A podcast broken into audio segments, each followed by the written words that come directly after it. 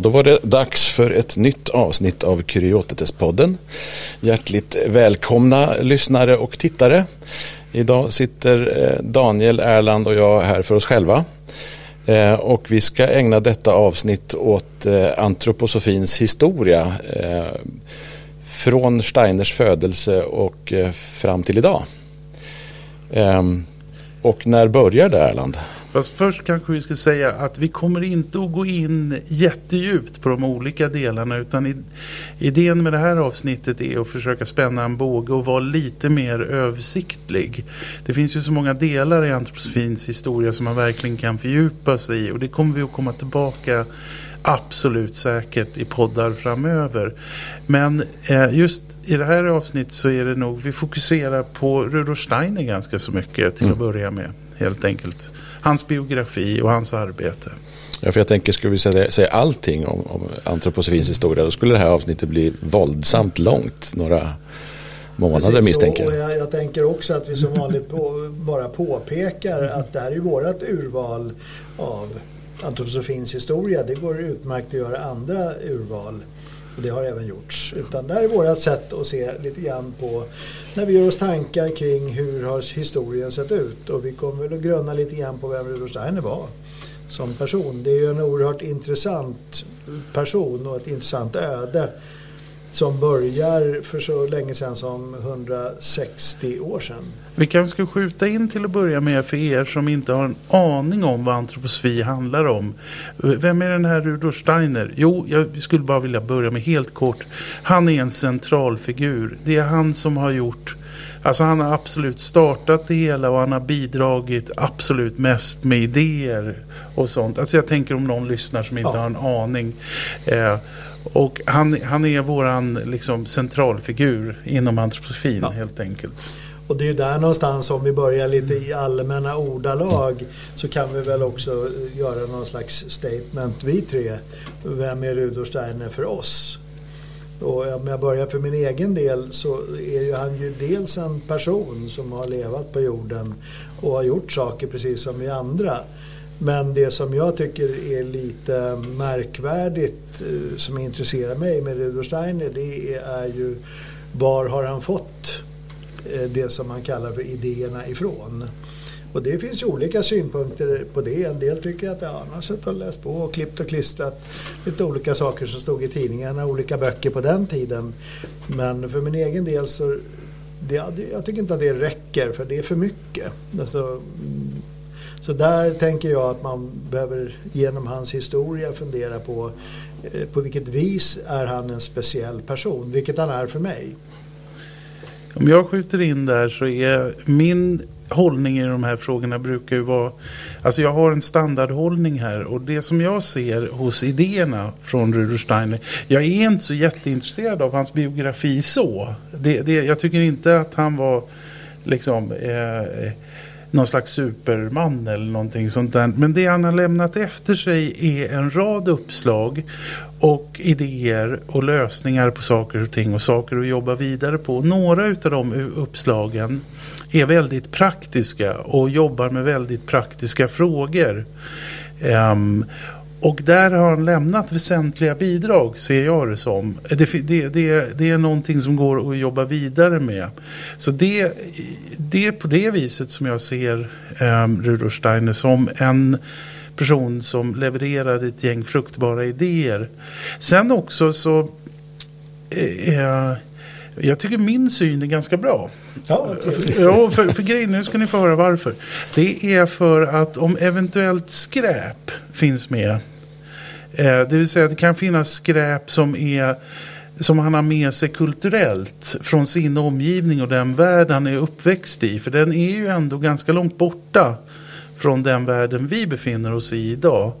Eh, då, då, kan man på ett lite mer sakligt sätt. Det, för det här är ju som sagt uppslag, idéer, metoder, försök, vad det nu är för något på praktiska områden. Och då kan man hantera det utifrån deras värde snarare än något slags, vad ska vi säga, moraliskt eller någon slags liksom um, sån input. Mm. Vad säger du Horst? Vad är Steiner för dig när du tittar på honom? Ja, alltså för det första så är det ju en eh, personlighet som, som har krånglat till mitt liv rätt rejält. Eftersom eh, han har liksom eh, tänkt och kunskapat om det mesta mellan himmel och jord och lite därtill. Eh, men samtidigt så är det också en person som har så att säga, genom antroposofin berikat mitt liv. Så att, lite så skulle jag vilja se på det. Sen är jag också så här historieintresserad så att jag tycker liksom det är spännande så att, säga, att, att var, var kommer saker och ting ifrån. Eh, alltså också dels Steiners liv men, men eh, alltså han refererar ju till grejer som en, liksom, väldigt, alltså nästan före tid och rum så att säga. Så att det finns många historiska aspekter mm. som, som, som intresserar mig eh, och som påverkar liksom, nutiden så att säga. Vi, vi kan väl göra en lite kort så säga, uppstart här. Han är ju född 1861, det vill säga ganska exakt 160 år sedan. Den 25 februari i det som då var Österrike-Ungern som var ett jätterike. Eh, ett av de största länderna i Europa. Eh, orten eh, Kraljevets ligger numera i Kroatien där han är född. Och att han är född där berodde på att hans pappa var järnvägstjänsteman. Så att de, de flyttade runt ganska mycket i Steiners första levnadsår i, i Österrike. Runt Wien kan man säga. Om man ska placera det på något vis. Um, och, och, han har ju själv beskrivit olika händelser i sin barndom eh, där han hade naturliga upplevelser av det som Daniel brukar fråga efter, elementarväsen. Mina favoriter. Ja. Um, där han ju liksom hanterade att leva i två världar där, där nog den världen var kanske mest naturlig. Så den hade han en, en så här, egen tillgång till från ganska, alltså från barndomsåren. Eh, och han hade bekymmer med liksom, att hitta övergångarna mellan den vanliga världen och eh, den andliga världen. Så det, det, hade han på något vis med sig som en fråga redan från barndomen. Även om man inte kan betrakta det som klarseende då. Utan han hade bara lite grann som barn kan ha lite naturligt att man, man pratar med väsen i rummet och har kamrater och man upplever saker fast man inte... När de vuxna säger att du har en livlig fantasi? Ja, mm. precis. Eh, sen var ju på den tiden han, han var ganska begåvad så att han blev uppmärksammad i skolan även om hans så hemmiljö snarare var fattig eller inte särskilt framstående i varje fall som, som järnvägstjänsteman hade pappan inte så jättebra förutsättningar. Men han var ganska eh, duktig och det, det ledde fram till att han eh, så i gymnasiet mm, och så småningom eh, efter gymnasiet gick en teknisk utbildning. Alltså han har framförallt studerat naturvetenskap, matematik, kemi, fysik på universitetet och gymnasiet. Så att det, det, kanske man inte tänker på. Att han har en ganska gedigen naturvetenskaplig universitetsutbildning. Mm. Um, och då fick han också kontakt med olika kulturpersonligheter. Varav en litteraturvetare av, eh, som var känd då heter Carl Julius Schröer. Som hade, var en betydelsefull person också eh, andligt sett för Rudolf Steiner. Och som föreslog att Steiner skulle få ge ut eh, Goethes naturvetenskapliga skrifter när Steiner var 21 år. Kan, det måste ju ändå ha varit en slags milstolpe. Alltså det är verkligen en promotion så att ja. säga. Det kan inte ha varit en liten sak. Goethe var ju otroligt känd. Ja. Och jag, jag, tänker att det här var eh, en Kirchners utgåva heter det. var kanske inte det största jobbet för att han fick sen senare i livet ett, ett jobb mm. på Goethe och Schiller-arkivet, institutet i Weimar. Eh, så det var, liksom en, det var en lång period, ungefär sju år av hans liv. Men jag, jag, tänker att jag lyfter fram den här naturvetenskapliga sidan eh, ända långt över 20-årsåldern. Mm. Eh, för det kanske man inte alltid tänker på. Att det, om man översätter det till idag så är det ju ganska gediget att, att läsa naturvetenskapliga ämnen på universitetsnivå. Man kan väl säga lite, alltså mitt intryck är i alla fall att, att han, alltså säga, han har ju utgångspunkt i naturvetenskap i någon mening. Liksom. Alltså också i sitt förhållningssätt framåt. Mm. Lite vad han än jobbar med liksom. Ja. Och så har han beskrivit också sina andliga upplevelser. Alltså att olika sådana här ja, talgdankar eller aha-upplevelser mm. i samband med geometri. Alltså som, som, som andliga upplevelser. Eh, så det har ju också lite grann med naturvetenskapen mm. att göra. Eller den här övergången mellan det humanistiska och det naturvetenskapliga. Så det, det är liksom en period av, av, hans liv. Och där, där hittar vi honom i Wien eh, fortfarande. Ja. Och det är en ung, väldigt begåvad naturvetare skulle man säga. I, i, och på den tiden läste man ju mycket filosofi. Det hörde liksom till allmänbildningen i den akademiska världen på ett annat sätt än vad det är om man går på universitet idag. Hur hade han det annars då? Träffade han tjejer? Hade han roligt? Nej, Vet man något om det? Jag, tror inte, det finns inte något sånt. Han hade några kamrater. Men jag, jag tror att det var liksom, han, han, han, var ju driven och man var tvungen att vara det som obemedlad mm. för att ta sig fram i den akademiska världen. Så det gällde nog att vara duktig. Precis. Och, så han, han la nog väldigt mycket tid på den här saken. Och vi som är antroposofer vi är ju väldigt förtjusta i sjuårsperioder. Så att den här, här, perioden är ju ungefär fram till 21-årsåldern. Mm. Ehm, vilket ju kan vara intressant.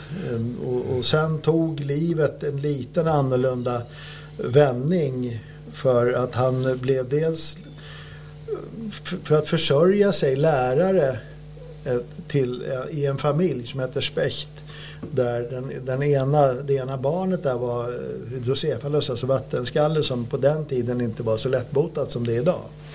Idag sköntar man ju bort det genom att dränera ut järnvätskan. Men den här killen räknas väl som mer eller mindre obotlig. Och som Obildbar läke, ja, kanske? Som läkpedagog brukar det här lyftas fram just det här arbetet som han gjorde. För dels en sån här Steiner-citat som att han förberedde sig två och en halv timme för varje halvtimmes undervisning. Men det här ledde i varje fall så pass långt så att den här Otto som han hette, Specht, blev läkare så småningom och, och, och dog i första världskriget. Ehm, så det var en, en, ganska betydande insats i den här familjen där han var lärare för, även för de andra barnen ganska länge. Mm. Som fem, sex år. Um, och sen fick han det här erbjudandet att åka till Tyskland. Uh, till Weimar som numera ligger ja, i Tyskland men då ett tag låg i Östtyskland, i östra delen av Tyskland. Och där var han, uh, fick han jobb i arkivet, Goethe och Schiller-arkivet. Och där har han då gett ut en, en Goethe-utgåva till. Mm. Som är kanske mer känd och större. Alltså mycket mer omfattande. Där kanske ska vi stanna där lite. För det där är en grej som jag ofta hakar upp mig på. Eh, jag, jag, vet ju det att, eh, att Steiner var väldigt väl förtrogen med Goethe och hans idéer. Mm. Vi kan väl säga det också att Goethe är kanske mest känd nu. Jag vet inte för eh, böckerna och poesin. Ja. Alltså Faust till exempel. Det, det är dramat. Eh, men han Goethe alltså sysselsatt sig med massa andra grejer också som optik och olika andra vetenskapliga inriktningar.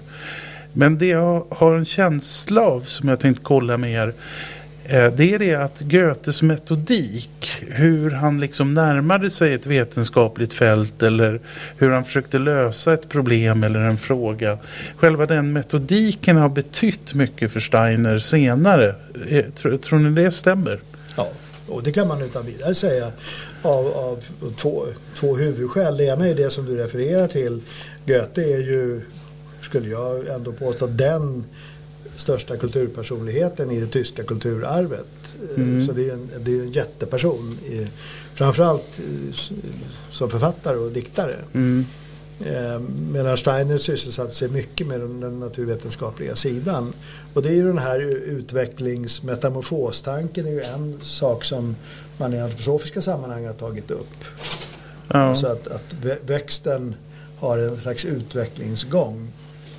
Just det, och en annan grej är väl också det här med hur man ger sig ger sig kast med ett, ett, ett vetenskaplig fråga. Alltså det här med att observera, ha med alla sinnen. Ja. Alltså den typen av... Och ett, ett, ett, så att, säga, att inte ha för mycket förutfattade meningar utan att, att vara uppmärksam på vad föremålen i sig vill eh, tala om eller kommunicera. Ja. Det kanske låter lite flummigt men, men i vanliga, många akademiska sammanhang går man ju annars in med en, en hypotes. Det här är min tanke och jag undersöker om den stämmer. Mm. Medan eh, Goethes ingång var, var lite mer att eh, vara öppen för intryckens meddelanden och inte ha, eh, alltså att inte klistra på en egen uppfattning. Och också där försöka hitta en, eh, en lite mer objektiv, alltså, i- alltså försöka skilja mellan sig själv och... Mm. Får jag bara sticka i- emellan med en liten praktikalitet? För att jag tror att det finns de som sitter och tittar på det här nu som är lite irriterade över att Daniel har liksom hela mickbomarmen framför näsan. Ja. Eh, Om vi ska lösa det så, så vi inte får skit för att du inte syns ordentligt. ja, då kan ju Erland fortsätta. Så, Eller hur? Ja, så ska vi se om jag lyckas. eh, precis. Jag tror att du, du borde nog, eh, ja men sådär någonting va kanske? Ja, det, det där, lysande. Perfekt. Man måste ju se snygg ut när man är i tv. Ja. Eller hur. Kamma Sin sig. bästa sida. Ja, ja. Ibl- Ibland hjälper det ju inte men man får ju försöka.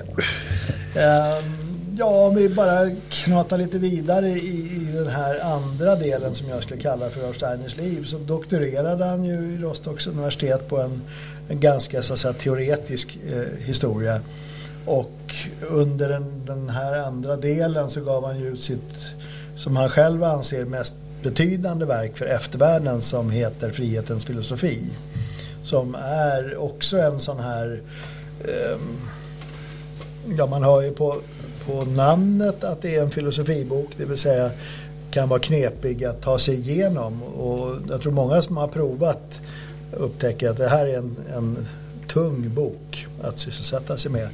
Det vill säga, det, det är lite det här vi var inne på med Goethe, alltså hur, vad har tankar och tankelivet för slags betydelse och objektivitet i förhållande till sinnevärlden?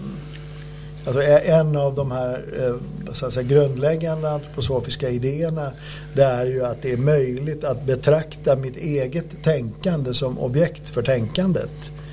Ehm, vilket ju är, skulle vara en, en specifikt mänsklig förmåga.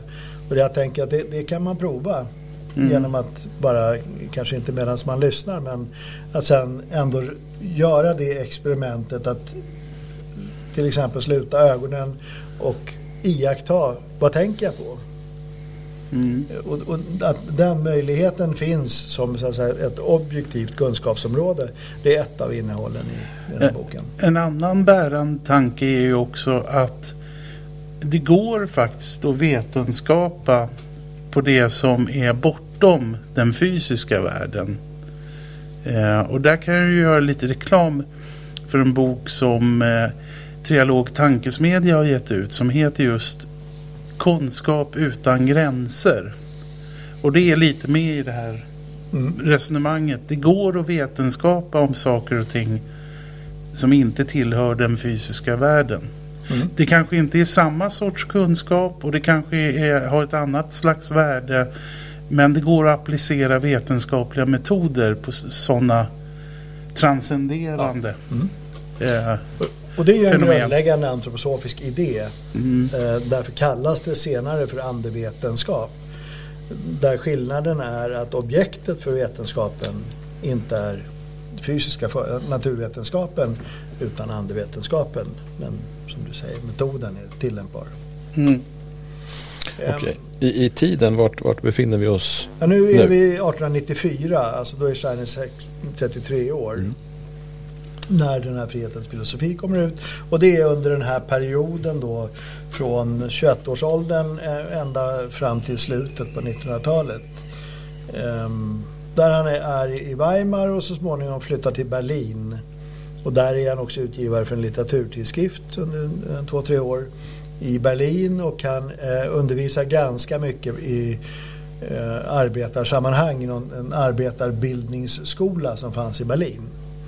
Där han var väldigt populär enligt uppgifter. Alltså hans sätt att undervisa kring allt möjligt där. vet man vem som satte upp skolan? Um, ja, där sätter du mig väl lite på det hala. Kom det från jag gräver djupt i, i, i förlängda ryggmärgen så skulle jag eh, lyfta fram Liebknecht. Men det, det vill jag låta vara osagt. Ja, just det. Ah, ja, vi lämnar. Men alltså en, en socialistisk eh, arbetarskola skulle jag säga. Fast så som socialismen var i slutet på 1800-talet. mm. Ehm, Det ska man ju kanske komma ihåg att det här är ju alltså Steiners barndom och eh, vuxenliv är ju under industrialiseringen av Tyskland. Alltså det var en väldigt intensiv period. Och eh, i början i barndomen så, så grundades ju det tyska riket 1871 av Bismarck. Så att innan det fanns ju inte Tyskland på det viset som en enhet. Nej. Så att det, det är ju en väldigt, eh, vad- vad ska man säga, aktiv europeisk period i, om man tittar på den vanliga historien. Som Steiner växer upp i. Men eh, vi, nu har vi kommit fram till det som jag kanske skulle kalla det som är liksom den kändaste delen eh, av Rudolf Steiners liv. Det vill säga när han arbetar med eh, andevetenskapen eller de esoteriska frågorna. Men vi kanske ska eh, fundera lite grann mellan oss här. Vad, vad Steiner har gått igenom de här första 40 åren? Det är ändå en ganska betydande del, kanske inte i mitt liv men i många andras, så, så har man ju ändå, kan man uppleva att fram till 40 har man ändå gjort ganska mycket och hunnit skaffa sig mycket erfarenheter. Ehm, och då tänker jag att utgångspunkten är att de här andliga eh, erfarenheterna har han med sig från barndomen och utvecklar egentligen hela tiden under sitt yrkesliv. Även om man inte gör det offentligt. Alltså han har ju fixat en gedigen utbildning. Kan vi ju säga till att börja med. Och han har lyckats nå en position i det tyska samhället. Ja, Där, där han är känd Mm. och där han får ehm, eh, fina uppdrag. Mm. Eh, så det, där är han väl. Sen vet jag inte mer. Hur var, hur var det med familjelivet? Hur var det med runt omkring och sådär? Ja, han var faktiskt eh, gift. Eh, redan när han flyttade till- Berlin så lärde han känna en kvinna som hette Anna Oinicke. Som han sedermera gifte sig med 1899. Och eh, var gift med henne fram till 1911 då hon dog. Ja, och det tror jag var en person som också tog hand om eh, en del av den världsliga sidan av Rudolf Steiners liv. Ehm, just, eh, det finns ju många anekdoter från den här tiden i, i- i Berlin där, där Rudolf Steiner ju sägs ha levt i lite sus och dus. Eh, under de umgett, umgicks i litterära kretsar och levde ett ganska vanligt så att säga, liv på det viset. Eh, men, men han har inga barn. Hon hade något barn, jag kommer inte ihåg hur många. Men inte med Rudolf Steiner. Eh, så att Rudolf Steiner har ju aldrig eh, haft barn. Mm. Däremot eh, den här kvinnan var han gift med och vi återkommer till det men sedermera gifte han sig en gång till med Marie von Sivers. Just det. Jag tänker på en annan sak. Jag vet inte om jag är fel ute där men jag får lite grann intrycket av att, så att säga, eh, han har ägnat sig rätt mycket liksom, åt de naturvetenskapliga och världsliga liksom, fysiska aspekterna första delen av livet så att säga. Och, och det kan man ju känna igen hos andra. Jag tänker på, på um, Emanuel Swedenborg som levde, jag vet inte, hur, något hundra år tidigare eller två eller så. Som, som lite grann hade också den här vetenskapliga Mm. början och senare delen av livet Mm. började ägna sig åt det så kallat andliga. Mm. Ja, jag, jag tänker också att det här var ett sätt för Rudolf Steiner att, att ta sig an den här motsättningen mellan det fysiska och det Mm. andliga. Alltså att, att, att helt enkelt göra sig förtrogen med Ja.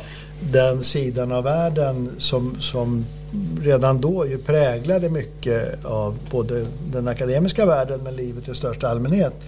Det vi skulle kalla den materiella utvecklingen, industrialisering, teknifiering, elektrifiering. All- Allt det är ju sånt som sker parallellt med, med det här.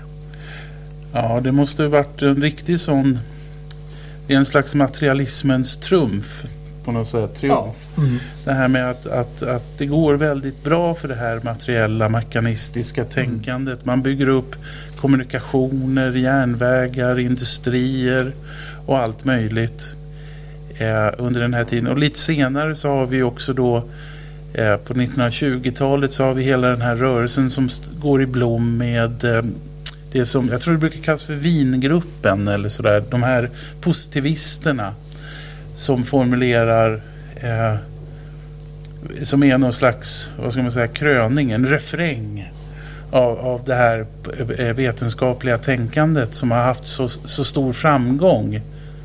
Mm. Egentligen från upplysningstiden och framåt och framförallt då sen industrialismens genombrott. Först i Manchester och i England och sen vidare. Mm. Så att i den strömningen så är ju eh, det vetenskapliga tänkandet har ju verkligen lyckats förändra världen. Mm. Eh, och där står Steiner då och mm. tänker att nej men vänta nu ska vi ta och fundera på det andra.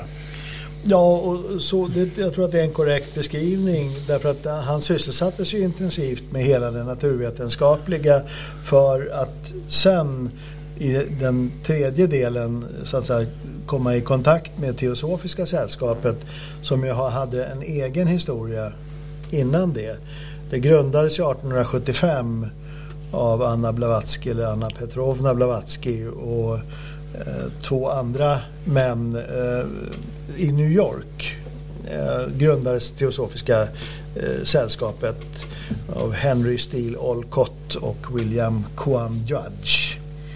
Och eh, deras intentioner var ju lite likartade med det som sedermera har blivit antroposofiska.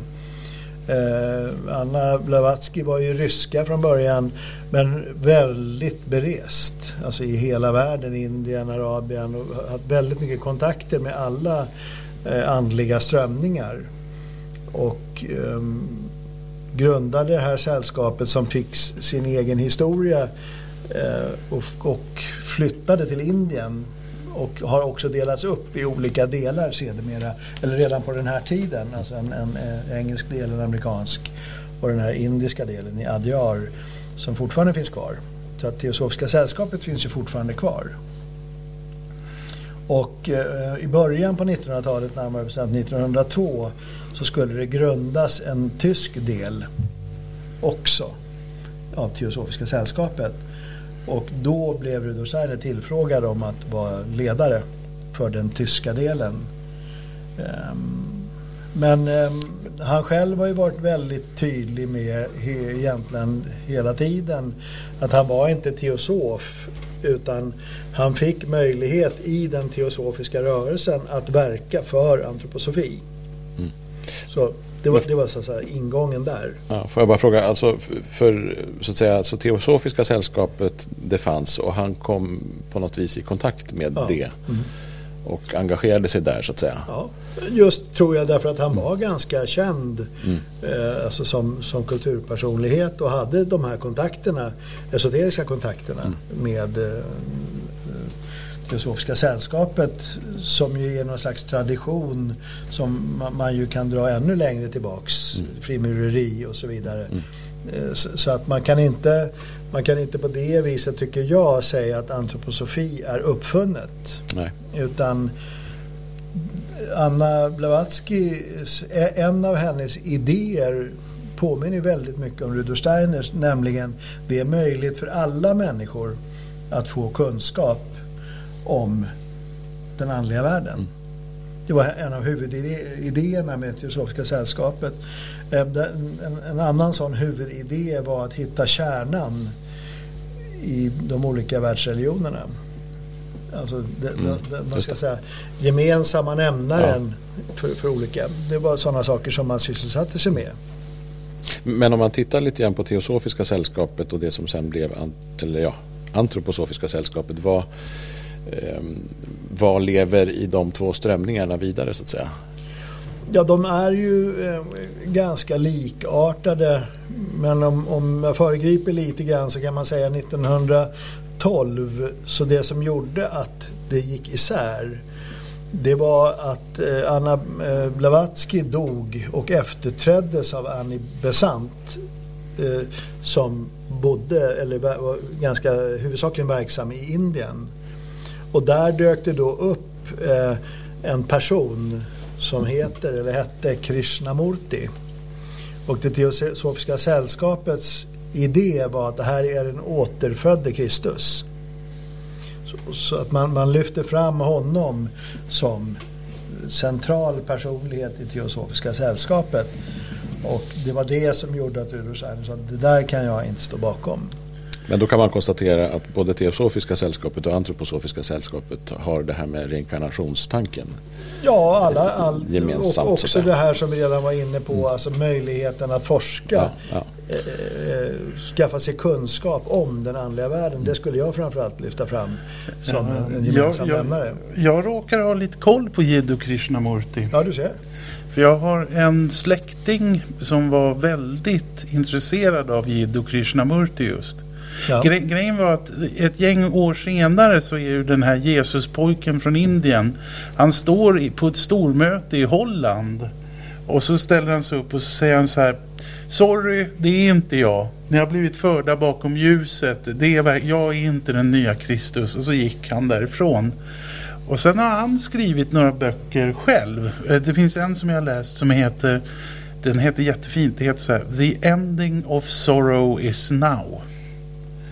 Eh, och han, han, han gick tillbaka till någon slags buddhism på något vis. Eh, och har eh, pratat väldigt mycket om det här med att leva i nuet.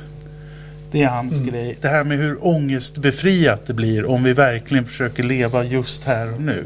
Att vi inte oroar oss så mycket för det som kan hända och ruar oss från det som ruelsen mm. från det igår liksom. Så att eh, det är en sån här litet instick med den här Krishnamurti, var han tog vägen någonstans. Det finns, jag tror det finns i Tumba utanför Stockholm finns det fortfarande ett Jiddu Krishnamurti-sällskap. Ja, det Jag tror det. Det fanns på 90-talet ja. i alla fall. Teosofiska sällskapet finns ju också i Stockholm. Jag tycker just, just de där, inom parentes, det, det borde vi lite grann eh, dyka vidare in och undersöka framöver, tänker jag. Ehm, det man kan säga om den här perioden, alltså från 1902, att då dök ju en annan person upp bredvid Rudolf Steiner som också var ryska och som hette Marie von Sievers. Som egentligen var den som eh, gjorde väldigt mycket av det praktiska arbetet under hela Rudolf Steiners resterande liv. Och hon kom ju också sedermera att gifta sig och är känd som Marie Steiner nu för tiden.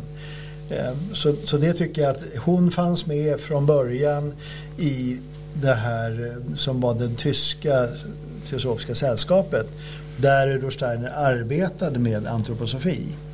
Det finns en, en ehm, skola, en, en andlig skola som kallas för den esoteriska skolan där Rudolf Steiner hade 500-600 människor runt omkring sig som, som fick alltså, anvisningar om hur man gör. Det var, och det var ganska strikt så att säga vad det gäller meditation och, och övningar. Och den här bedrevs ända fram till första världskriget. Som en slags parallell eh, utveckling med att Rudolf Steiner skrev många av de grundböckerna som vi nu kallar för grundböcker redan i början på 1900-talet, alltså tidigt eh, efter att han kom ut med antroposofi kan man säga inom det teosofiska sällskapet. Alltså redan 1904 så skrevs eh, teosofi och hur uppnår man kunskap om de högre världarna som räknas som grundböcker. Och 1909 Vetenskapen om det fördolda. De heter annorlunda idag. Vetenskapen om det fördolda heter andlig forskning och eh, hur uppnår man heter andlig skolning. Man har bytt namn på svenska men på tyska heter de samma. Så att det, det, kan man säga var en, en avstämning, en avsats i, i den antroposofiska utvecklingen. Att I början på 1900-talet skrevs de här grundböckerna och Steiner sysselsatte sig då väldigt mycket med den här andliga skolningen och utvecklingen. En del kallar det för filosofi.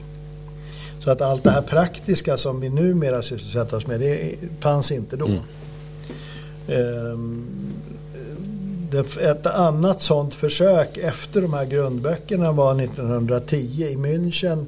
Då, då var Berlin och München antroposofiska centrum. Där eh, hade man uppvisningar. Man hade också planerat att bygga ett stort antroposofiskt hus i München. Men det fick man inte. Man fick inte bygglov helt enkelt. Så det gick inte. Men han skrev då eh, eh teaterstycken som vi numera kallar för mysteriedramer. Fyra eh, ganska stora teaterstycken om antroposofi. Mm. Så man kan säga är en, en konstnärlig sammanfattning av, av en antroposofisk världsåskådning. Framförallt med, med reinkarnation som grundlag. Mm. Och de framförs ju idag både här i Sverige och i Schweiz. Eh, och ägnas ganska mycket uppmärksamhet och aktivitet. Och de kom till här 1910 till 13. Ja, och sen kom den här schismen då Antroposofiska sällskapet grundades officiellt 1913. Um, ehm, men utan Steiner. Alltså han, han var inte medlem och han ledde inte Antroposofiska sällskapet. Utan hans hållning var jag är andlig lärare. Det praktiska får skötas av Antroposofiska sällskapet. Så det, det var ända fram, alltså de första tio åren på det viset. Okay. Eh, alltså var det då några andra som tog initiativ? Eller? Ja, ja. ja alltså eller? Det, det, är väl klart att Rudolf Steiner eh, fanns med på några hörn. Ja. Eh, men, men han var ganska noga med att han inte hade någon officiell roll och ledde inte sällskapet. Okay. Utan det var en, de är ganska kända också, Marie von Sivers eller Marie Steiner. Michael Bauer och Karl Unger hette de tre som, som grundade sällskapet okay. 1913.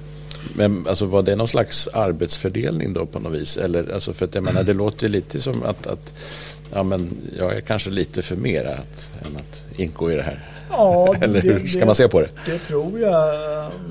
Alltså, jag vet inte om man ska kalla det för arbetsdelning också. Mm. Alltså, ja. Men jag tror också att det hade eh, man ska säga, andliga eller esoteriska skäl ja. till att ha det här upplägget. Att inte förbinda sig själv ja. med de här praktiska administrativa frågorna. Men det var någon slags överenskommelse då förstår jag, eller? Nej, det tror jag inte. Utan Nej. det bestämde nog Steiner. Ja, det var han som bestämde. Så här, så här skulle det vara. Jag deltar inte i, i arbetet. Ja, det är som att dra igång det Jimi Hendrix Experience. Och sen så Jimi Hendrix är inte riktigt med. Ja, han, han sitter någonstans och tar det lugnt. Ni får fixa det där praktiska. Ja, det är lite lurigt gitarrspel och lite sådär. Men det, det fixar ni säkert. Så är jag bara lite så här skön i bakgrunden. Ja, jag, jag tror det, det man ju möjligtvis kan, kan säga då om Rudolf Steiner att jag tror att ta det lugnt var, var kanske inte hans starka sida. Utan han var ju otroligt aktiv.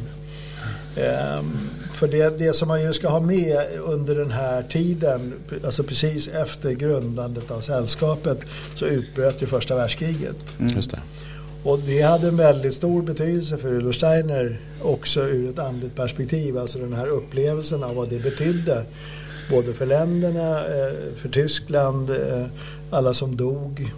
Alltså det var ju det första masskriget mm. med miljoner människor som dog på samma ställe. Mm som var väldigt nära Dornach mm. där man hade fått mark anvisad eftersom man inte fick bygga i München. Så hade man fått mark utanför Basel i Schweiz. Och där hade man eh, grundlagt eh, det första Gretianum. Också 1913. Mm. Så det här var en ganska liksom, central punkt i Antroposofiska sällskapets utveckling här precis innan första världskriget. Men jag tänker just det här med, med Dornach och Schweiz då, alltså var det också då av, av någon slags praktiska skäl att det var där man sen började? Ja, det kan man säga. Men eller, det är lite som vanligt. Det finns ju ett yttre och ett inre skäl. Ja, men ja. det yttre skälet var helt enkelt att man fick en markdonation. Okay. där Gretianum ligger idag. Just det. Och att Schweiz ju alltid har, redan då var ju neutralt. Mm. Alltså, det finns ju många beskrivningar att, att medan man byggde Götianum i, i sex år um, vi kommer säkert att lägga ut några bilder på det här. Det är en fantastisk byggnad. Eh, ordets hus var det meningen att det skulle vara. Mysteriedramerna var ett försök att synliggöra antroposofi i, i teaterform och det här huset skulle vara ett annat sätt att kunna uppleva antroposofi, hands-on. Och det byggde man under första världskriget. Och det är ganska dramatiskt beskrivet att man kunde höra kanonmullret medans eh, deltagare från 16 länder byggde på det här huset. Mm. Så det måste ha varit väldigt speciell, alltså väldigt eh, nära. Och det var det som Rudolf Steiner beskriver det för sig själv. En, en väldigt tung period att mm. uppleva det här. Men, men, när du säger att deltagare från 16 länder, det mm. låter ju spännande. Ja. Alltså, för det måste ju då betyda att, att det var människor liksom, från flera håll som intresserade sig för det här. Hur, hur, hur, kom det sig så att säga? Ja, alltså man, man får ju komma ihåg då att under de här tio, drygt 10-12 åren har ju Steiner varit extremt aktiv vad gäller föredrag. Reste ju hela tiden både Tyskland, Holland, England, alltså Västeuropa kan man säga huvudsakligen Österrike. Och var ju väldigt känd. De här liksom föredragen var ju välbesökta. Mm. Och han hade väl, det var, var ju väldigt många framstående samhällsmedborgare som var intresserade av antroposofi. Men lite grann ungefär samma arv som vi har nu. Det var inte så många som tog aktivt ställningstagande till förmån för Rudolf Steiner. Mm. Eh, vi kommer ju att lägga ut, för vi redan spelat in ett avsnitt om tregrening. Det kommer ju ur den här situationen. Mm. Alltså att, att man upplevde, Rudolf Steiner upplevde att världen var ju på väg in i någon slags kaos. Just det. Eh, I slutet på första världskriget. Ryska revolutionen, hela karta, Europakartan ritades om. USA, eh, det, det, som man i min ungdom kallar för USA-imperialismen, den tog ju sin början här med Woodrow Wilsons punkter mm. hur man skulle lösa situationen efter första världskriget. Där man ju väl idag är ganska överens om att det var orsaken till andra världskriget. Mm. Alltså hur man skötte den här Versaillesfreden efter första världskriget. Och allt det här tror jag Rudolf Steiner upplevde som en avgörande period och han la otroligt mycket energi på den här samhällsförändringen 1919. Mm. Och hade otroligt många alltså, generalstabschefer och alltså, verkligen de högsta ledarna i Tyskland. Och, och många tyckte att liksom, uttryckte att det här kunde man se som en, en, bra sak men det är inte min grej eller jag kan inte göra det här. Eller, ja, mm. så, vidare. så det var ingen som... Han fick helt enkelt inte något gehör för de här idéerna. Just det. Men, men man kan säga alltså att, att, på den tiden så var han kändis så att ja. säga. Och eh, det var väl också väldigt, alltså ganska många människor som så att säga, intresserade sig för Ja. Alltså, först teosofi och sen antroposofi. Ja. Alltså för man pratar om, eh, alltså när vi pratar om medlemsantal och sådana saker. Ja, vid den här tiden skulle jag säga att det var en, en, en, upp mot 10 000 började det bli. Just det. Medlemmar. Mm. Så det, det, var in, ingen, ingen liten och mm. han gjorde ju konsertturnéer med, med utsålda hus med, med tusen och fler mm. deltagare. Så, så, att det, det, var ju alltså det var ju stort. Mm. Det är ju stort idag mm. också. Det var nog större på den tiden. Så att han var nog en, en betydande person i kulturlivet mm. i Mellaneuropa. Det, det tror jag man kan säga. Och det finns ju väldigt många beskrivningar, jag vet inte om vi ger oss in på det idag, men eh, många av de människorna som fanns runt Rudolf Steiner på den tiden har ju skrivit biografier om, om sitt möte med Rudolf Steiner och beskrivit hur Rudolf Steiner var som person. Det måste ju ha varit väldigt speciellt. Eh, alla är väl nästan överens om den här förmågan som Rudolf Steiner eh, hade att eh, veta vad som hände, vad de tänkte på och, och kunna adressera den här personen så att man upplevde hur kunde han veta det här. Mm. Och även under föredragen så beskriver man ju det som att, att Rudolf uttryck var väldigt speciellt eh, redan när han började men sen under föredragets gång. Då man verkligen fick en känsla av att han hämtade in kunskapen inte ur sig själv utan någon annanstans ifrån under föredragen. Så att jag tycker att man kan säga att alla människor som mötte Rudolf Steiner hade en otrolig säga, respekt och beundran för, för personens förmågor. Eller att, att det var en, inte vem som helst. Mm. Alltså även betydande kulturpersonligheter. Alltså till exempel den, eh, den prästen som grundade kristensamfundet, Friedrich Rittelmeier, han var en av de kändaste prästerna i den protestantiska kyrkan på den tiden i Tyskland. Mm. Um, och betraktades som en slags överlöpare eftersom han började syssla med antroposofi. Om man ska spekulera, alltså, vad, vad, hur, vad kan man tro om, liksom, trivdes han med att vara kändis? Så att säga. Jag tror inte du hade några som helst sådana tankegångar. Eh, jag tror inte att han upplevde att det handlade om, om honom på det viset utan att han hade en, en alltså, så, så han förmedlade någonting som var viktigt för, för världsutvecklingen. Alltså den, den centrala punkten, och det kanske vi ska lyfta fram vad gäller Rudolf Steiner är att allt det som vi nu kallar för antroposofi har ju Rudolf Steiner offentliggjort. Mm. Den kunskapen är ju på det viset inte ny. Den har förut varit hemlig eller fördold, bara tillgänglig för utvalda personer som genomgick en skolning för att få tillgång till den här kunskapen. Och Rudolf Steiner beskriver ju mycket av, av sin egen utvecklingsväg.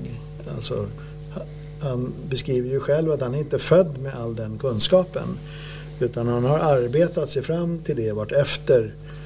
Eh, de, han har gjort egna övningar och just hanterat den här förhållningssättet mellan den andliga världen och den fysiska mm. världen. Det vill säga att uttrycka de kunskaper och erfarenheter han fick. Ehm, så, så det, det, kan jag rekommendera att läsa den här typen av beskrivningar. För då får man verkligen en känsla av att det, det var inte vem som helst. Så, så det, och det har ju präglat min syn ganska mycket på, på Rudolf Steiner. Är, är, är, är det så, så här Steiners liv ser ut från och med nu då? Helt enkelt att han, eh, han föreläser och han eh, åker runt och han håller på och jobbar med eh, sina idéer plus att många människor hör av sig till honom och ber honom om råd. Så då får han liksom ge sig in i olika verksamhetsfält.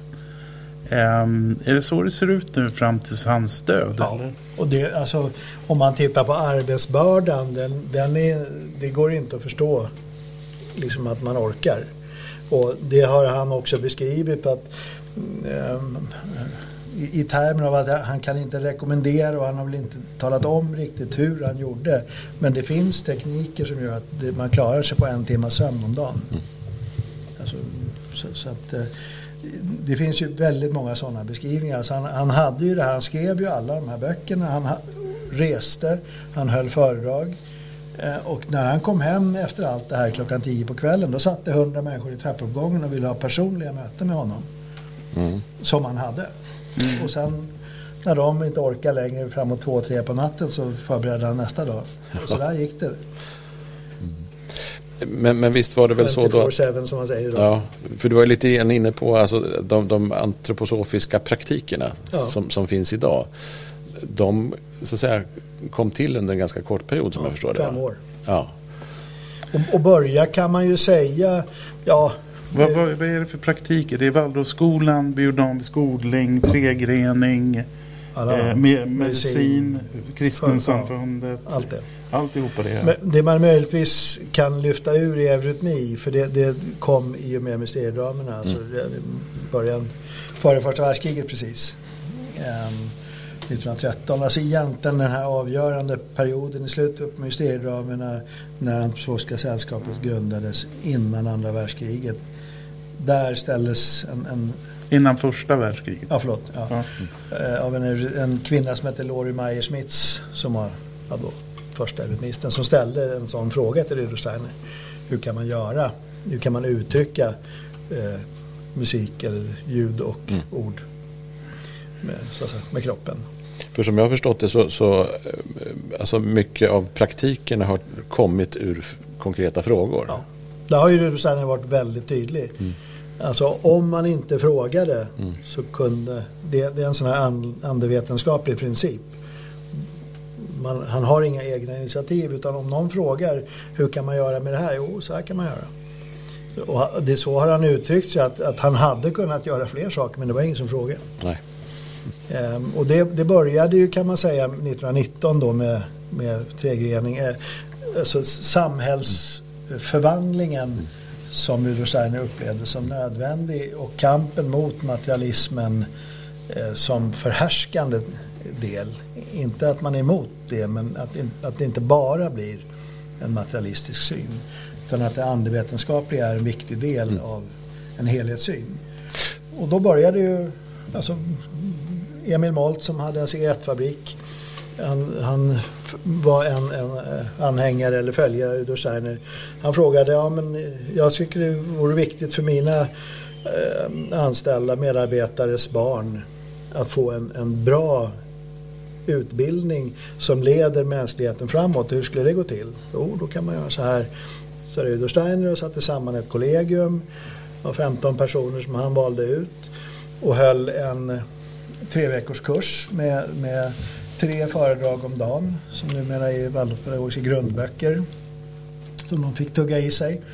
Eh, och eh, dessutom hade de hemläxor mm. på kvällarna. Och sen var det att sätta igång med Waldorfskolan Just det. i Stuttgart. Eh, och då eh, lite sidospår då kanske, men vart, vart kommer Waldorfsalladen in och Waldorf Astoria i New York? Ja du. För det måste ju finnas ett samband. Alltså Waldorf Astoria måste ju ha med, med det var ju ett cigarettbolaget att göra. Jag ska passa på den frågan, annars ja. blir det killgissningar. Eh, men det, det, var ju ett känt C1-märke. Ja. Ja, men sen salladen, det, det tror jag, det går till, det, då finns det en kock. Ja, precis. Men på vi, vi... Waldorf Astoria som gör en sallad, specialsallad och då blir det Waldorfsalladen. Och det är en killgissning eller? Ja, Ja, men, då ska vi... men en kvalificerad killgissning. ja. En gubbgoogling.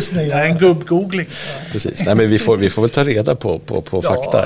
Annars kan vi väl rekommendera lyssnarna att googla. Så Just det. det, Just det. Kanske ge oss det korrekta svaret. Precis. Ja. Mail där. Ja. men Waldorf är väl ett cigarettmärke? Ja. Det är det som det är mest känt som på något vis. Så är det.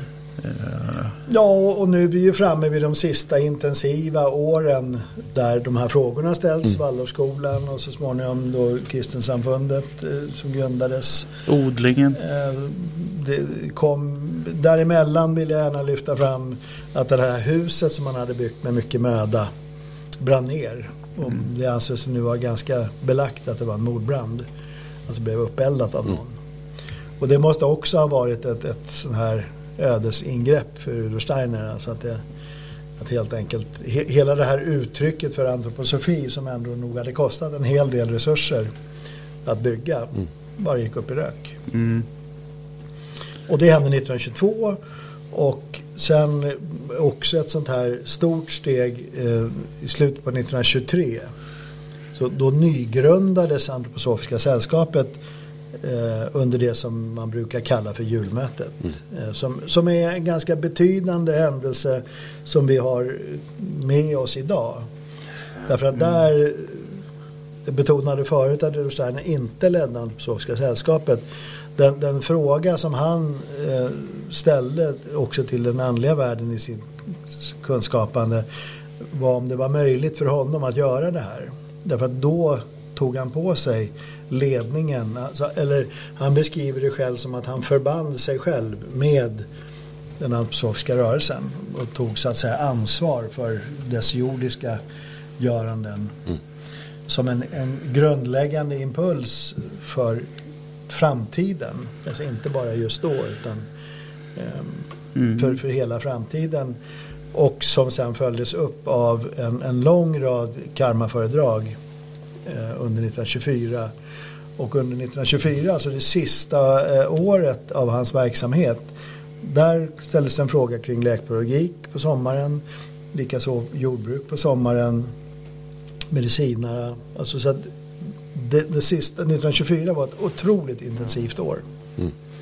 Som ledde fram till, eh, eller det började redan med, med, att han blev väldigt sjuk. Man, man brukar spekulera om någon typ av förgiftning eh, som slog sig på ämnesomsättningen som gjorde att Rudolf Steiner blev svagare och svagare trots att han reste hela tiden och gjorde de här sakerna. Ända fram till september som var den sista månaden där han gjorde någonting. Det var en slags kulmen för då hade han fyra, fem föredrag om dagen. Fast han var så sjuk så att han nästan inte kunde gå ur bilen eh, upp till talarstolen. Så, så det är ju väldigt imponerande. Och sista föredraget höll han den 28 september 1924 och dog sedan 1925. Um, och han, uh, han hann göra en skiss eller en modell för det Goetheanum som nu står men som inte började byggas under hans livstid. Jag tänker när man kommer till Goetheanum idag så, så är det ju en, en stor betongbyggnad. Ja. Eh, var det hans beslut att det skulle vara betong eller ja. för säkerhets skull? Så, lite, eller? Ja, kan man, det kan man väl kalla det för. Mm. Alltså, det första Goetheanum var byggt av trä. Mm. Eh, så att det var väl ett sätt att hantera möjligheten att elda upp det. Just det. Mm. Och formspråket är ju också helt annorlunda. Mm. Alltså första Goetheanum är ju präglat av två kupoler. En stor och en mindre. Det kan man inte säga. Och Goetheanum idag är ju verkligen en, en lite tyngre historia. Mm. Fast ändå eh, mäktigt på, på sitt sätt om man är, åker dit idag. Jag har aldrig varit där. Ja, det är värt ett besök faktiskt. Det, det, är mer imponerande än vad man tror innan man har varit där. Mm. Ja, så det här var väl någon slags eh, exposé av eh, Rudolf Steiners liv som ändå har präglat mycket av den gamla antroposofiska historien. Mm. Sen finns det ju hundra år som är kanske lite mer dystra efter att Rudolf Steiner dog. Som ju också är intressant tycker jag att fundera kring. Men eh, bestod ju av väldigt mycket konflikter. Kanske kan borra i det någon annan gång. Ja. Men faktum är att antroposofin är spridd runt omkring i världen. Ska vi säga något om det ungefär? Ja. I, idag brukar man väl prata om 60-70 länder. Det är ju alltid lite sån gränsdragning med sällskap och grundandet av sällskap. Men i alla världsdelar, man pratar 40-45 000 medlemmar. Och den stora skillnaden om man jämför med Steiners tid är att då fanns det nästan inga företag mm. som var inspirerade av antroposofi. Det finns det däremot idag. I princip brukar man väl prata om lika många som medlemmar. Så det är en jättestor skillnad den här förvandlingen av att det var enbart personer på den tiden och nu är det ju väldigt mycket företag. Och en del idéerna har ju verkligen fallit i god jord. Eh, som till exempel eh, att eh, vinproducenter är inspirerade av biodynamiskt ja. odlingstänk. Um, det är en ganska, eh, tycker jag, lustig paradox. Att, mm. I biodynamiskt jordbruk brukar man ju prata om helhet och, och, och kretsloppsjordbruk och, och, så vidare. och så vidare. Men de två sakerna som har slagit det är monokulturer. Kaffe och vin? Nej, bananer och vin. Är det ban ja, bananer och vin, ja. Så det är lite sådär. Just det. En lustig motsättning.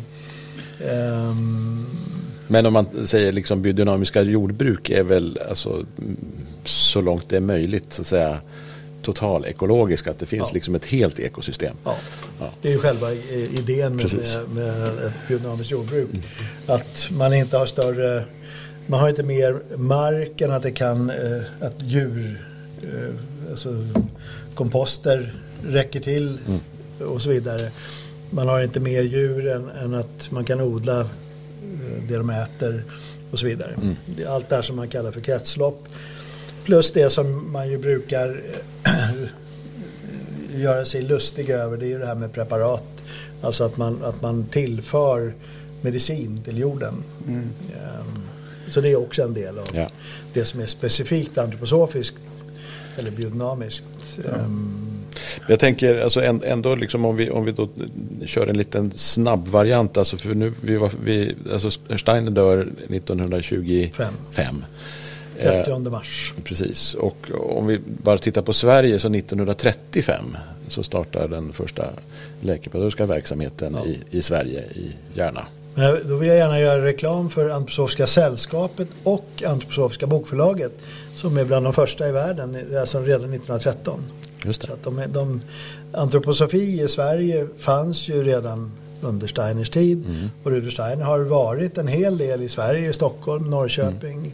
ganska ofta i, i Christiania, alltså Oslo. Ja. och Helsingfors. Så att han, han var en I hel del här uppe i ja. Norden Precis. och höll föredrag.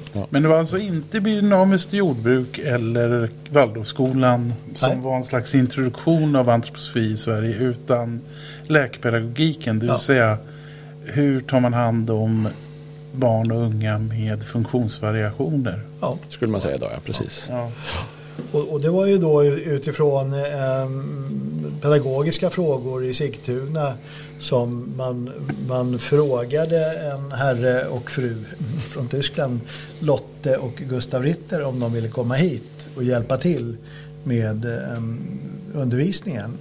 Och, och lite så, så här på samma sätt som med Göte Örnum. Sen fick man möjligheten att förvärva det som numera är Mikaelgården, alltså en- ett område där det första institutet byggdes upp Just här det. i Järna. Mikaelgården ligger här i Järna, Ja. för er som undrar. Men innan Mikaelgården då, då var det väl alltså i Vigbyholmsskolan som man, ja, som man intresserade sig för alternativa möjligheter. Ja. Att, att eh, bland annat jobba med så kallat vanartiga gossar va? Ja. Ska man nämna något namn till så är det Marit Laurin som också var med Precis. på den tiden. Ehm, Men, men det fanns ju då ett antroposofiskt sällskap både i Mm. Stockholm och Norrköping som var aktivt. Ehm, Och nu för tiden ska man väl också nämna Hilma af Klint som en, en betydande antroposof under den här tiden. Precis, och det, det måste ju, alltså um, Hilma och Klint och Steiner, de, de möttes ju ganska Ja. liksom, i, tidigt i Sverige så att säga. Alltså, ja. Han, han var Precis. här 1910, framförallt de åren, Ja. fram till 1914. Eh, Hon var ju också ett antal gånger i Götianum Mm. och så vidare. Och har ju varit väldigt påverkad av, av antroposofi i, i sitt liv och sin konstnärliga gärning. Ja. Jag vill bara lyfta fram eftersom hon är så i ropet idag. Ja, så det var också under den här tiden. Alltså många av hennes kändaste tavlor är ju målade så här 1910, 1915. Mm. Eh, Men det, det är också kanske värt ett eget avsnitt, eh, Hilma och Klint. Ja, definitivt. För att, alltså, där har jag för mig att jag har hört någonting om att ehm, kanske Hilma och Klint menade att Steiner hade snott med sig någonting. Var det inte något sånt? Alltså, alltså att han blev inspirerad av hennes arbete. Ja, jag vet inte, det där blir kanske lite spekulation Ja. igen då. Men, men eh, man har letat efter Hilma-målningar i Göteborg och inte hittat dem. Nej. Jag tror att det var så att hon skickade dem för påseende Ja. och sen har de försvunnit. ja. Men, men någonstans att han också blev inspirerad av, av så att säga, hennes arbete har jag fått. Det vet jag inte. Det finns väl ingen, ingen dokumentation av det som jag känner till. Nej, men, nej, men det är inte men de uteslutet. har ju träffats och Ja, han har sett hennes eh, arbete och varför skulle han inte bli inspirerad? av det? Precis, precis. Vi får borra i det med. Ja. Ja. Ja, annars då, hur ser det ut med tid? Vad säger du Horst? Du tycker att vi ska börja avrunda, Ja, eh, det tolkar det som. Ja. Jag, jag, skulle, jag skulle bara, en, en sista grej, alltså att alltså Steiner som person under hela sin, sin levnad, alltså mitt intryck är ju att det är också en väldigt så att säga, eh, intresserad människa som, som, som har koll på väldigt mycket så att säga, också vad som liksom pågår i världen och Ja. alltså, liksom väldigt orienterad historiskt och naturvetenskapligt Och är inte och så vidare. Och, och, och, alltså, och i och med det så att säga tar, tar in mycket så att säga. Ehm, Ja, jag tror det, det är också en sån här, så att säga, i den här boken som jag pratade om, hur uppnår Mm. man kunskap eller andlig skolning. Det är ju ett av villkoren där i början av det att man, att man arbetar med att sortera stort och smått. Ja. Alltså vad som är viktigt och vad som inte är så viktigt. Ja. Och det sägs vara en sån här förmåga som han hade utarbetat till förfining. Mm. Alltså att, att kunna läsa en bok och bara läsa en halv sida. Ja. Mm. För det, det var det viktiga i den boken. just det. Men för jag har också för mig att han har haft eh, någonting med Nietzsche att göra. Ja, Eh, han rätt Han ordentligt. har till och med träffat Nietzsche fast Nietzsche då var lite förvirrad eh, på slutet av sitt liv och var Ja. sinnessjuk. Men han har ju skrivit en bok och, och, och alltså, sysselsatt sig mycket med Nietzsche. Ja, ja, Och det är en av de här tidiga böckerna i början på 1900-talet. just det. Absolut. Mm. Ja, det, det som väl är spännande sådär som tema även för oss i, i, podden det är ju hur eh, tillämpar man all den här kunskapen idag? Eller vad, vad har Rudolf Steiner för betydelse idag Mm. som inspirationskälla? Och vad ska jag göra med all den här informationen? Ja, precis. Alltså, och, och, och frågan är också lite grann sådär, alltså hur, ehm, hur pass självständig är antroposofi idag? Eller hur mycket liksom, så att säga, lutar man sig mot Steiner fortfarande? Alltså hur har antroposofin utvecklats? Det tänker jag också är ett intressant spår som, man, som vi kan titta på framåt. Ja, alltså, ja, alltså, om, du, om du frågar mig vad jag tänker om det så det är väl inte något annat än Einstein eller Nej, andra personligheter, mm. Aristoteles ja, Platon. Ja, det, vissa, vissa människor i, i, historien, under historien har ju större betydelse än andra mm. över tid. En del människor är ju väldigt kända under sin livstid eller har gjort någon specifik insats, mm. apropå Jimi Hendrix när de levde. Eh, var han står sig om hundra år, det återstår ju att se. Precis. Men det finns ju ett antal sådana ja. personligheter genom historien som fortfarande är användbara och som används som aktuella. Jag menar det. Mm. Och, jag för min del tänker väl att Rudolf Steiner tillhör dem. Mm. Eh, men det är ju många andra som inte tänker så. Ja. Får man väl säga. Mm. En del personer um, de hamnar, de blir en slags kanon. Det är det här med att om man de blir utsedda att liksom eh, vara någon slags eh, eh, exempel eller vad man ska kalla det för. Det vill säga sätter du dig in i Aristoteles tankevärld då gör du ett arbete som är nyttigt för att förstå andra mm, saker. Precis. Eller sådär. Eller kanske för att förstå antiken ja. eller förstå hur Europa grundades eller någonting sånt där. Alltså en del människor de hamnar i det här lite lyxläget att de blir lästa och lästa och just för att de på något sätt representerar en period eller en, en, en, en födelse av ja. någon tankegods eller någonting. Och det, där är väl Steiner en sån man måste liksom sätta sig in i hur han tänker och han, hans filosofi för att förstå eh, varför det blir som det blir. Mm. Och det måste ju, eh, på den frågan, vad ska jag göra med det här? Det blir ju ett personligt ställningstagande på samma mm. vis som jag får ju bestämma vad jag gör med Buddha. Mm. Mm. Om jag tycker att det här var någon jävla påhitt som inte jag är intresserad av mm. så finns det ju helt uppenbart många andra som har en annan åsikt. Och så kan det väl få vara. Ja. Vi behöver inte vara överens alla. Utan man, man hittar väl, tänker jag, den ingång jag behöver. Och för, för, min del har det väl varit så att eh, Rudolf Steiner är en ingång i mitt liv som har varit väsentlig. Som har bidragit till det jag har kunnat göra. Mm. Om det nu är något att skryta med eller inte, det mm. återstår att se. Men han har i varje fall haft den betydelsen för mig. Mm. Kan man säga. Ja. Nej, och jag tror också en, en fortsättning det är ju lite grann att titta på så att säga för, för jag tror att man kan liksom gå ännu längre tillbaks i historien och se hur saker och ting kan liksom hänga ihop. Eh, eh, alltså om vi går till 1400-talet och, så vidare. Och så vidare. Alltså, alltså Cusanus till exempel eller så småningom Swedenborg. Och, Thomas av Aquin och, Thomas av Aquin och Goethe och så vidare. Mm. Så att eh, eh, fortsättning följer kan man väl säga. Det får vi hoppas. Mm. Nu verkar ju coronan avta så vi kanske har ett liv efter detta också. Vem vet? Ja. Ja. Vi tjatar lite om det här vi alltid tjatar om. Gillar du det här på Youtube så gilla oss. Gillar du det inte så tar du en tumme ner. Annars tar du en tumme upp. Berätta för andra att vi finns. Uh, har ni frågor och inspelning? Vill ni att vi ska göra ett avsnitt om något särskilt så hör av er. Vi finns på Facebook och vi finns på Instagram. Vi finns inte på Twitter. Uh, Spotify. Spotify finns vi på. Um, och e-post. Och e-post, ja just det. Och då är det ju kuriotetespodden at gmail.com som gäller för att nå oss. Och som ni vet så har det börjat liksom kristallisera ut sig lite en slags metodik hur vi jobbar här i podden. Det är liksom tankar om är ett tema. Och sen är det kanske någonting annat. Eh, vad är? Vad är? Har vi börjat lite grann med. Ja, så vi har vad är och tankar om. Det börjar, börjar arta sig lite. Och vi tackar ju så mycket för ert tålamod nu i början där ute. Och för, för all feedback. Ja, precis. Vi, vi jobbar på att bli bättre Ja. hela tiden. Och vi hoppas att det märks att ljudet blir bättre och bättre. Eller hur Horst Och så, Henrik? och så kanske det kan komma någon liten svacka ibland. Och det är Ja, något som strular. Ja. Och vi uppskattar ju även att man prenumererar på Youtube. Det är alltid en fördel. Ja, precis. Då kan vi börja göra sådana här jubileumsavsnitt. Ja. När vi har 100 prenumeranter Ja. och när vi har 1000 prenumeranter. Herregud, ja. Ja. Just det. Det ser vi fram emot. Japp. Ja.